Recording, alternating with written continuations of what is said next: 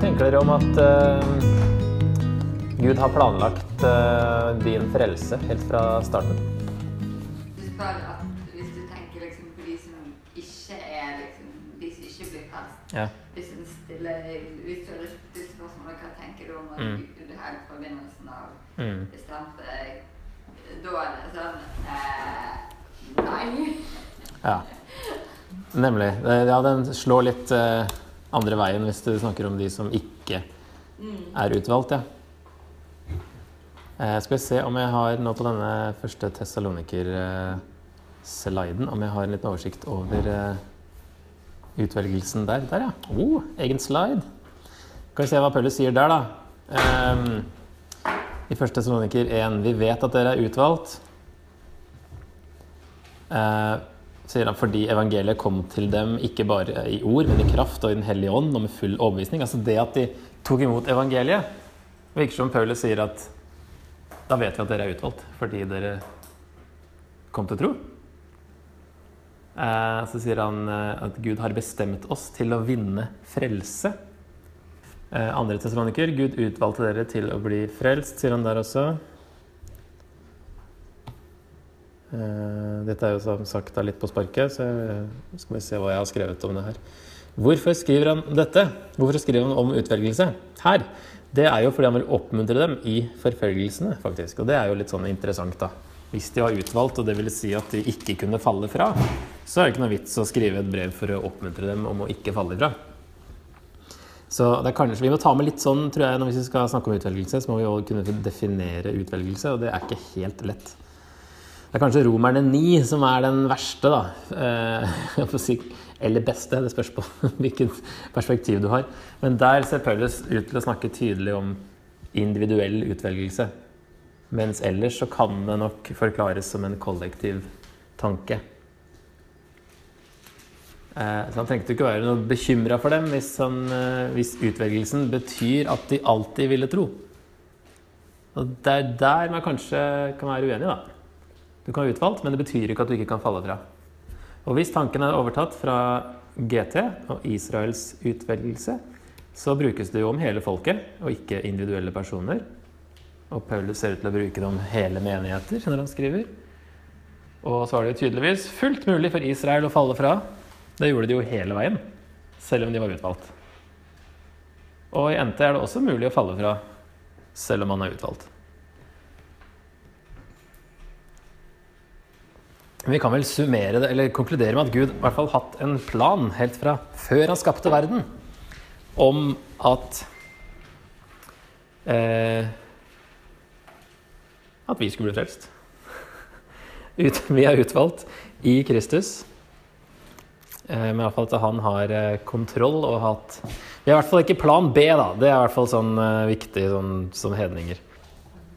Ok, Så etter en sånn start da, der han virkelig eh, tar av, egentlig, så eh, går han rett på en bønn. Han har jo egentlig ikke bedt denne takkebønnen som han pleier å gjøre i brevene sine. Han har tatt en lang sånn velsignelse i stedet, eller en tilbedelsebit.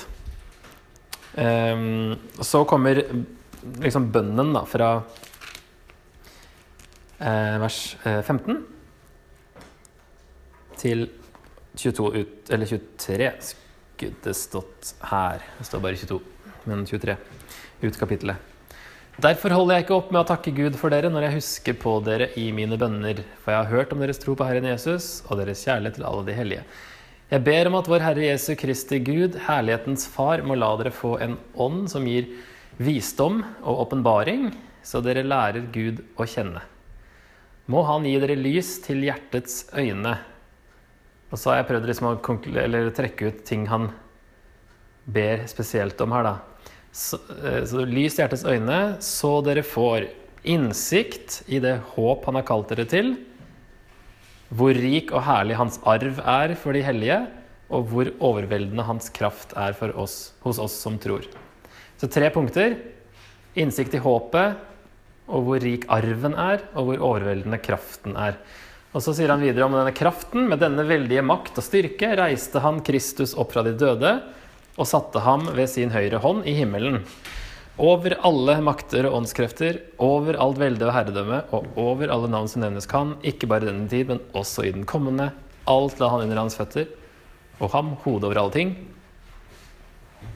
Der har jeg ikke understreket hodet, nei, over. Det skal jeg gjøre. Ga han til kirken, som er Kristi kropp, fylt av ham som fyller alt i alle. Så her, eh, den kraften, kraften som bor i oss, det er den samme kraften som han reiste Kristus opp fra de døde ved. Det er jo litt sånn Ok, såpass mye kraft som bor i oss nå når vi tror. Så det er tre ting som han ber om at de skal få innsikt i, og så er det fem ting som han sier at Jesus er over. Han er over Skal se hvordan jeg har tenkt her, da. Alle makter og åndskrefter. Er det én eller to? Over alt velde og herredømme. Over alle navn som nevnes kan. Ikke bare i den tid, men også i den kommende. Og han er hodet over alle ting. Det er jo oppsummert, da, egentlig. Alle ting. det er sånn. Men han er i hvert fall over eh, makter, åndskrefter, velde, herredømme og alle navn som kan nevnes. Ikke, han ber ikke om at vi skal få mer av den. Mm. Han eh, ber om at vi skal få innsikt i at vi har den. Nemlig. Yes. Bra, bra observasjon. Vi har allerede denne voldsomme, overveldende kraften. Og han ber om at vi skal skjønne det. At vi skal få innsikt i hvor overveldende denne kraften er hos oss som tror. Eh, er det noen som tør å definere håp i nytestamentlig kontekst? Hva er det kristne håpet? Hva er det vi håper på? Ja, og det brukes ofte litt mer konkret enn det. Men det er helt riktig. Oppstandelsen, yes, oppstandelsen fra de døde er liksom som regel det det knyttes til. Håpet. Um, I hvert fall i første Peter så er det tydelig at det er det han tenker på der. da. I hvert fall vi håper på liksom, alt som har med Jesu gjenkomst å gjøre, egentlig. Eh, det er det som er målet. Så det er ikke noe sånn at vi går og er usikre og vi håper at noe skjer, men det er eh, en sånn trygghet og en forventning om at vi har evig frelse i sikte. Mens efeserne var jo vant til å ikke være sikker på noe som helst. Og være, tenke at skjebnen kontrollerte ting. Ehm, så det her ville jo være oppmuntrende for dem spesielt. At de må i hvert fall få innsikt i det håpet de har. At de slipper å bry seg med skjebne og alt det andre som forstyrra. Og så var jo de også veldig opptatt av åndskrefter, da, så det er ikke så rart han understreker at Guds kraft i dere er jo overveldende stor. Også at Jesus er over alle disse åndskreftene, alle typer. Altså ganske mange ord han bruker da, for å liksom dekke alt, på en måte. Makter, åndskrefter, velde, herredømme. Alle navn som kan nevnes. Disse åndemanerne i Apostelens gjerning 19 som drev og drev ut onde ånder, disse sønnene av øverstepresten. eller hva det var, um, ved å nevne navn. Det var jo sånn man liksom hadde, trodde at man hadde kontroll eller makt over de onde åndene. Det var jo å vite navnet på dem, for da kunne du liksom befale dem til å gjøre ting. Og Jesus, eh, Paulus sier at Jesus er jo over alle navn som kan nevnes i sånn forbindelse med onde ånder. da. Og for, for å forklare det, at det gjelder absolutt alle navn, så er det liksom ikke bare i denne tid, men også i den kommende, altså i den messianske tidsalder, da, i den nye, nye verden. Eh, så Jesus er over absolutt alt du kan tenke deg av sånne åndelige ting, spesielt her i den konteksten her, da. Og han sitter i himmelen over alt dette her. For de tenkte litt sånn, sånn tredelt om, eh, om himmelen. Når Paulus snakker i Han sier i andre korinterbrev at han eh, var eh, i den tredje himmel. Eller han snakker om seg sjøl i tredje person og sier at 'jeg kjenner en mann' som var eh, i den tredje himmel. Så var det sånn man tenkte om, eh, om himmelen Altså egentlig snakker Paulus om himmelrommet. Det oversettes som himmelrommet her ofte. Det er på en måte det rommet mellom Det er egentlig den andre himmel. som var der de, disse, disse eh, åndene bodde. Sånn man tenkte seg åndene bodde der. Første himmel er den himmelen vi ser. Andre himmel var der eh, åndene holdt til. Og så var det tredje himmel der der Gud bor. Så Jesus sitter over, geografisk, kan man si, over alle disse åndene som holder til i himmelrommet. Liksom mellom Gud og jorda. For, det er klart det symboliserte jo mye mer for dem. da. Jesus i Markus det er jo onde ånder hele veien som han driver, og driver ut. Og det var jo noe de var veldig opptatt av og plaga av. da. Så det er jo klart at Jesus viser jo en autoritet ved å drive ut alle de åndene. Eh, Så er det ikke like Kommuniserer ikke på samme måte til oss, da, men på den annen side så er det jo det vi kanskje Om vi skulle havne eller komme i kontakt med noe sånt, da, så vil jo det føles veldig overveldende, sånn at vi ikke har noe sjanse til å stå imot en åndelig makt. Og da er det jo veldig oppmuntrende at Jesus er sterkere enn alt det her. Og over alle onde makter. Men at vi er liksom ikke borti det så veldig mye. Men i hvert fall så kan vi slenge oss med på det her da, med at eh, vi kan be om å få innsikt i de samme tingene, og hvor den kraften som bor i oss, som er den samme som Jesus ble reist opp fra døden med, den, hvor overveldende den er, da, uansett hva vi møter. Kapittel 2, vers 1-10, som er neste avsnitt. Hvor vil dere trekke en strek her, da, og lage en kontrast eh, eh, i det han sier? Ja, der eh, er det for så vidt et avsnitt. og et men. Det er riktig. Det er menn som liksom eh, får fram den. At, eh, først så snakker han om at, hvordan ting var, eh, og så men. Og så er det ikke hva vi gjør, men igjen da, hva Gud har gjort. Eh, det Gud har gjort, har jeg vel satt i rødt her. Han gjorde oss levende.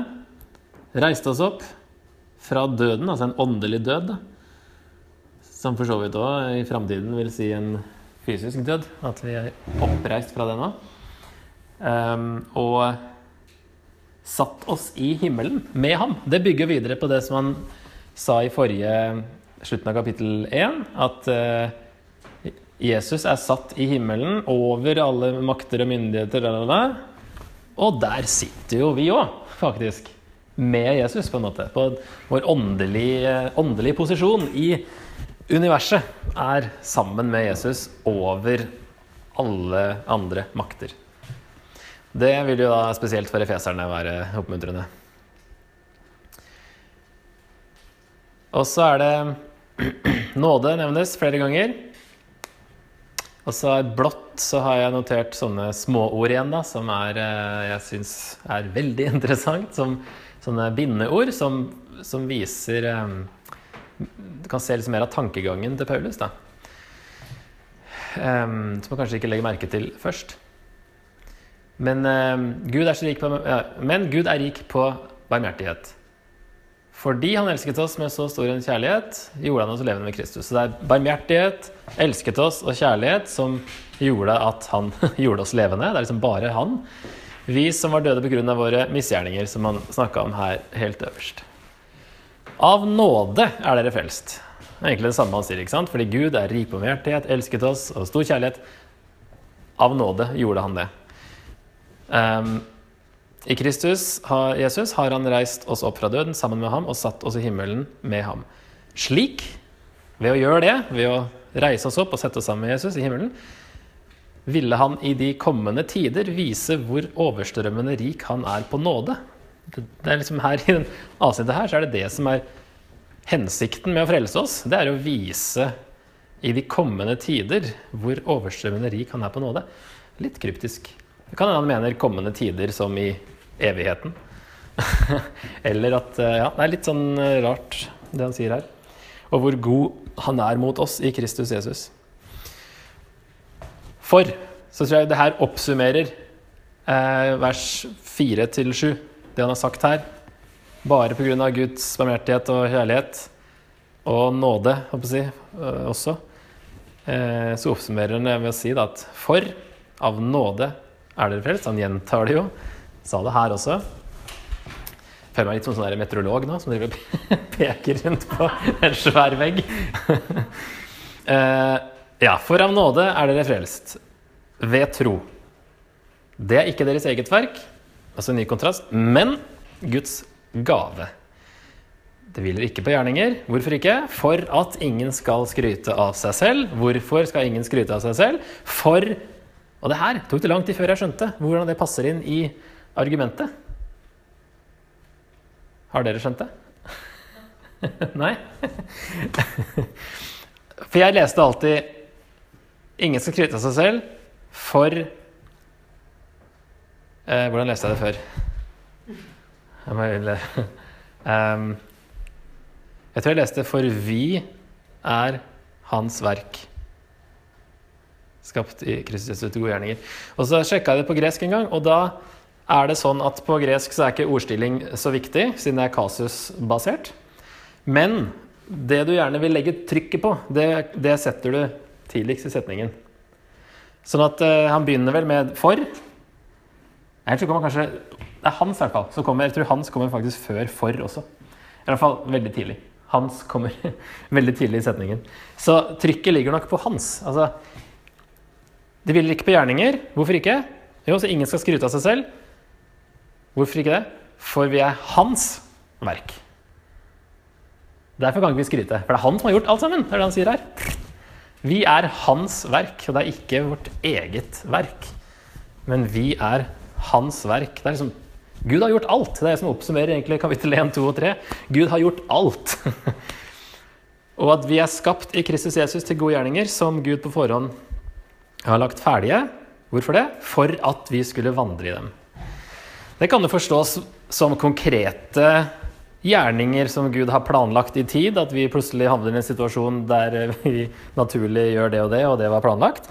Eller at det er mer sånn generelt en ny livsstil som Gud har skapt oss til og lagt ferdig på en måte for oss. da. Det er kanskje to måter å ta det på. Men det her er jo supert eh, avsnitt. da. Veldig sentralt. Gjør misgjerninger og gjør dumme ting, mm. så har vi blitt ledet av herskeren. Mhm. Ja. Ja, altså, Det virker som man kobler litt sammen. da, Å leve på nåværende verdens vis. Så det, det betyr at vi lar oss lede av herskeren i himmelrommet. Som nå er virksom i de ulydige. Og det betyr også at da følger man lystene i sitt eget kjøtt og blod. Og lot oss lede av det, faktisk. Og av våre egne tanker. Veldig naturalistisk eh, her, da. Mm. det som føles rett, det er rett. Det vi har lyst til å gjøre, det gjør vi. Eh, og våre egne tanker leder oss ja, i stedet for, i stedet for Gud, da. Så um, Ja, det kan jo. ja, kan se på det som paralleller. At eh, det å bli leda av herskeren i himmelrommet, det er det samme som å leve på verdens vis. Hvordan sier Paulus at de da Eller hvordan antyder han at, eh, at vi nå skal leve? Når vi eller de i hvert fall, tidligere levde på den nåværende verdens vis. Hvordan eh, skal vi da leve nå? Eh, Jeg tror kanskje Paulus tenker på sånn, den todelingen da, med nåværende verden og den kommende verden. At vi skal leve som om vi lever med Gud i den nye himmel, på den nye jord, i evigheten. Det er litt det Jesus kom med i bergpreken nå. Det er en sånn etikk som egentlig er så umulig å nå opp til. Men det, det er den etikken vi skal leve ved i evigheten, som blir introdusert. Så det er noe av det samme Paulus sier her, tror jeg. At han eh, Dere levde før sånn som verden eh, på verdens vis. Men den nåværende verdens vis. Men nå, når dere er blitt frelst, så skal vi leve på den kommende verdensvis. Eh, For efeseren nå så var det jo veldig, eller veldig interessant, nei, oppmuntrende, heter det, å få, å få um, understreka det med nåden, da, når de var vant til å pese og streve. Og eh, for oss òg, altså vi, De av oss som har vokst opp i kristne hjem, da, som kanskje ikke har den der kontrasten her eh, Vi levde aldri sånn som det her, egentlig. Så er det i hvert fall nyttig å bli minna på hva vi er frelst fra, uansett. da. Selv om det her kanskje ikke var vår, vårt tidligere liv. Eh, nåden er jo fortsatt noe som ikke bare i Efesus var spesielt for kristendommen, da. men det er jo fortsatt det som gjør kristendommen annerledes enn alle andre religioner. Det at alt er av nåde. Og derfor vi ikke liker å kalle kristendom for religion. men eh, det er det som skiller, skiller det fortsatt. Og så er det litt forskjell da på Det hviler ikke på gjerninger, men så er vi skapt til gode gjerninger. Det er forskjellen på de to. Mm. Ja, og altså det er noe med at vi kommer ikke inn i Guds rike ved gjerninger, men når vi er, det er Jakobs brev, egentlig. Når vi er innafor, så forventes det at vi gjør gode gjerninger. Og det er det Gud har ment også, at vi er skapt til gode gjerninger. Så Paulus er jo egentlig forklarer han kanskje her noe av det Jakob skriver i Jakobs brev, som eh, ofte blir satt opp mot Paulus. da. Men når han sier at troen er død uten gjerninger, så er det jo det de gode gjerningene som forventes å komme når du har en ekte frelsende tro. Ok. Um, flott avsnitt. Som det er verdt å komme tilbake til. Er det noen som har lurt på dette med tro, da? Om eh, For av nåde er dere frelst ved tro. Det er ikke deres eget verk, men Guds gave. Er det noen som har lurt på om troen er Guds gave, eller om Spørsmålet er egentlig hva han peker tilbake til med det. Er ikke deres eget verk. Peker han tilbake på tro, eller på frelst? Eller på alt? Altså For det første, det er vel ingen som skryter av at de har tro. Uansett. I så fall så blir det feil, da. Så er, i konteksten her så kan det være begge deler. Jeg tror nok de aller fleste teologer vil tolke det eh, som hele pakka. Frelsen er ikke deres eget verk. Eh, noen kalvinister, visstnok, eh, tar det til å referere til tro, for de mener at Gud må gi tro for at du skal bli frelst. Og at Gud bestemmer da alt sånn. Eh, men visstnok Calvin sjøl mente ikke det. men det var noen i Ålkirken som eh, mente det, faktisk. Av kirkefedrene. Ja, gresk grammatikk så hjelper det oss ikke så mye, fordi det er jo intetkjønn, og tro er hunnkjønn, men det er også frelse. Sånn at um, Det hjelper ikke noe å se på det, men det er sånn som på norsk òg. Vi kan jo snakke om det om noe som ikke er intetkjønn. Det går an å oppsummere det liksom på den måten. Så det er, vi kommer ikke så mye lenger. Det er nok konteksten som er det beste, beste til å hjelpe oss. Og så kan det være at det hjelper Eller ikke skulle vært et komma der. Paulus skrev jo ikke det kommaet. For av nåde er dere frelst ved tro. Det er ikke deres eget verk. ikke sant? Da har du hele pakka. Det blir i så fall den forståelsen. da. Men at vi skiller ut ved tro, så blir det liksom fokuset som henger igjen når det kommer til det. Det hadde ikke naturlig å skrive den hvis det var spesielt trua. Jo, så de har, her har nok forstått Eller uansett så er det jo ikke et hannkjønnsord, nei. Eh, Det pronomenet her på gresk òg er intetkjønn. Um, det hadde vært, altså måtte vært feminint da, hvis det skulle være altså hunnkjønn hvis det skulle være gresk. Men eh, de har nok forstått det som eh, frelsen på den oversettelsen her. Jeg vet ikke om noen andre har noe annet. For av nåde er dere frelst ved troen, og det er ikke av dere selv. Da var det nesten enda tydeligere at det var frelsen, syns jeg. Det er jo det han har sagt hele veien her. Eh, skal vi ta et avsnitt til, da? 2.11-22.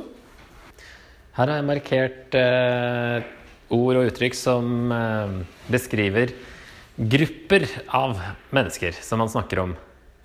Og da er det et av de stedene her han eh, tydelig henvender seg til hedningene. Og så er det igjen en sånn kontrast med dere som en gang var, men nå. Ikke lenger fremmede utlendinger.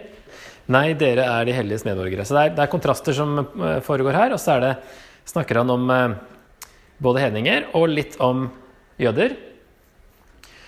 Hedninger da som dere og hedninger av fødsel, uomskårne. Og så har vi jøder, som er de omskårne. De som var utestengt, det var jo hedningene. Utestengt fra Israel, som var jødene. Eh, dere som var langt borte, er jo hedningene. De ante jo ikke noe om Gud. Dem begge, det er jo begge grupper. Og så dere som er langt borte igjen, og dem som var nær. Det er jo jødene som var nær. Gjennom ham har både vi, jøder, og dere, hedninger, adgang til Far i én ånd. Derfor er dere ikke lenger fremmede utlendinger. Nei, dere er helliges medborgere og Guds familie. Dere er bygd opp av Dere er bygd som bolig i Gud i ånden. Så dette her eh, Her har altså Jesus eh, forent de to gruppene. I én kropp forsonte han dem begge med Gud da han døde på korset og slik drepte fiendskapet. Og han snakker også om at han rev ned den muren som skilte fiendskapet. Hvis vi setter opp det her i, eh, i tre kolonner Ord og uttrykk som beskriver hedningene, ord og uttrykk som beskriver Guds menighet, dvs. Si begge grupper, og ord og uttrykk som beskriver jødene. Altså ikke-troende jøder og ikke-troende hedninger. Og så har vi menigheten i midten. Så er det da eh, Jeg kan ta alle på en gang, så ser vi. Sånn. Um, mest i midten. I Kristus Jesus, dem begge. Ett, ett nytt menneske, én kropp, én ånd, de helliges medborgere, Guds familie, bygning, et hellig tempel, en bolig for Gud. De har nå blitt forent eh, i Jesus. Og det var altså muren som skilte. Kan jo være både eh, bokstavelig, og det kan være en metafor. Hvis det er bokstavelig, så var det jo I tempelet så var det jo flere murer. Egentlig så er jo bare det her som er eh, Ja, du har forgården, da. Så har du det helligste og det aller helligste. Men så har de bygd på flere sånn kvinnenes forgård og hedningenes forgård og sånne ting. Men denne muren eh, fra hedningenes forgård til neste foregår. Så um, hvis Paulus tenker fysisk på disse skilleveggene her, da, at jødene var de eneste som hadde adgang før uh, til Gud, så har Jesus brutt ned de murene uh, som skilte hedningene. Da. Uh, og da var det faktisk noen sånne advarsler på denne muren. Da, hvis en hedning gikk forbi det punktet en hedning kunne gå, så står det på disse advarslene eller sånn skilt der det sto 'Ingen hedninger har adgang innenfor skilleveggen og inn på tempelplassen'. Den som går inn, er ansvarlig for sin egen død. Og så eh, I Apostelens gjerninger 21 så er jo eh, Så tror de jo at Paulus har dratt med seg en hedning inn i tempelet, og det blir eh, masse oppstyr. Og så er det det som gjør at han blir eh, fengsla, arrestert og fengsla, og som gjør at han sitter i fengsel i mange år i slutten av Apostelens gjerninger. Og det er grunnen til at han fortsatt sitter i fengsel når han skriver dette brevet. At det er faktisk det her med hedningene Han har nok ikke dratt med seg en hedning innafor muren i Jerusalem, men det er liksom det, hele det eh, poenget der som kanskje er grunnen til at han sitter i fengsel, faktisk. Og selv om det han skriver til Efesus, kanskje aldri hadde vært i Jerusalem, så, og det er ikke sikkert at Paulus tenker på det her at han mener at de skal forstå det, at det er den fysiske muren i Jerusalem. Men eh, for Paulus så ville det jo være en, noe som kanskje han ville tenke på når han skrev dette her. Så er det blir et bilde på en metaforisk mur da, ikke sant, som er brutt ned mellom jødene og hedningene.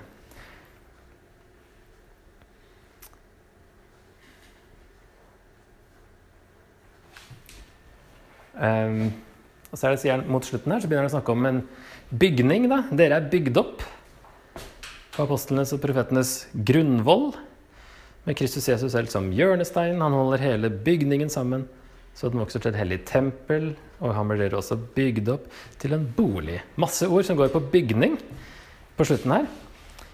Eh, hva er denne bygningen lagd av? Ja, dere er bygd opp. Altså av mennesker. Um, jeg snakker spesielt til hedningene, som bygger denne bygningen. Ehm, er den ferdigbygd? Nei. Høres ikke helt sånn ut. Ja, den vokser. Og dere blir bygd opp. Ja, den er ikke helt ferdig. Hva er formålet med denne bygningen?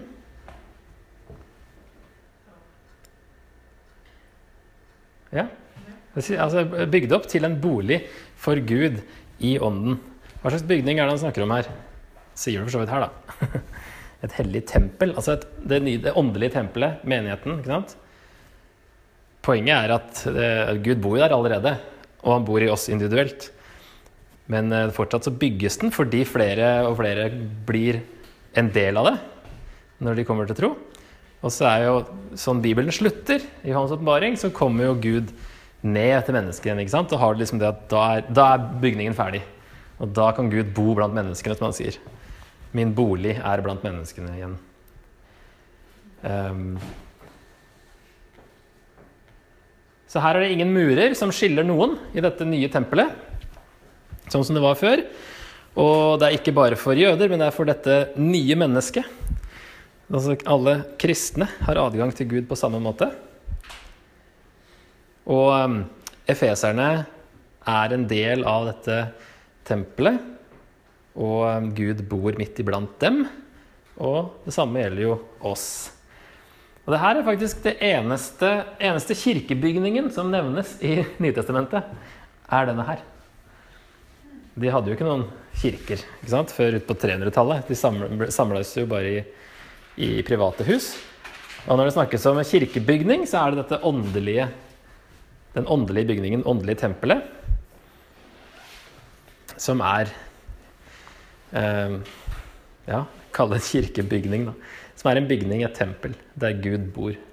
Så det jo, gjelder jo hele globale Guds globale menighet er jo dette tempelet.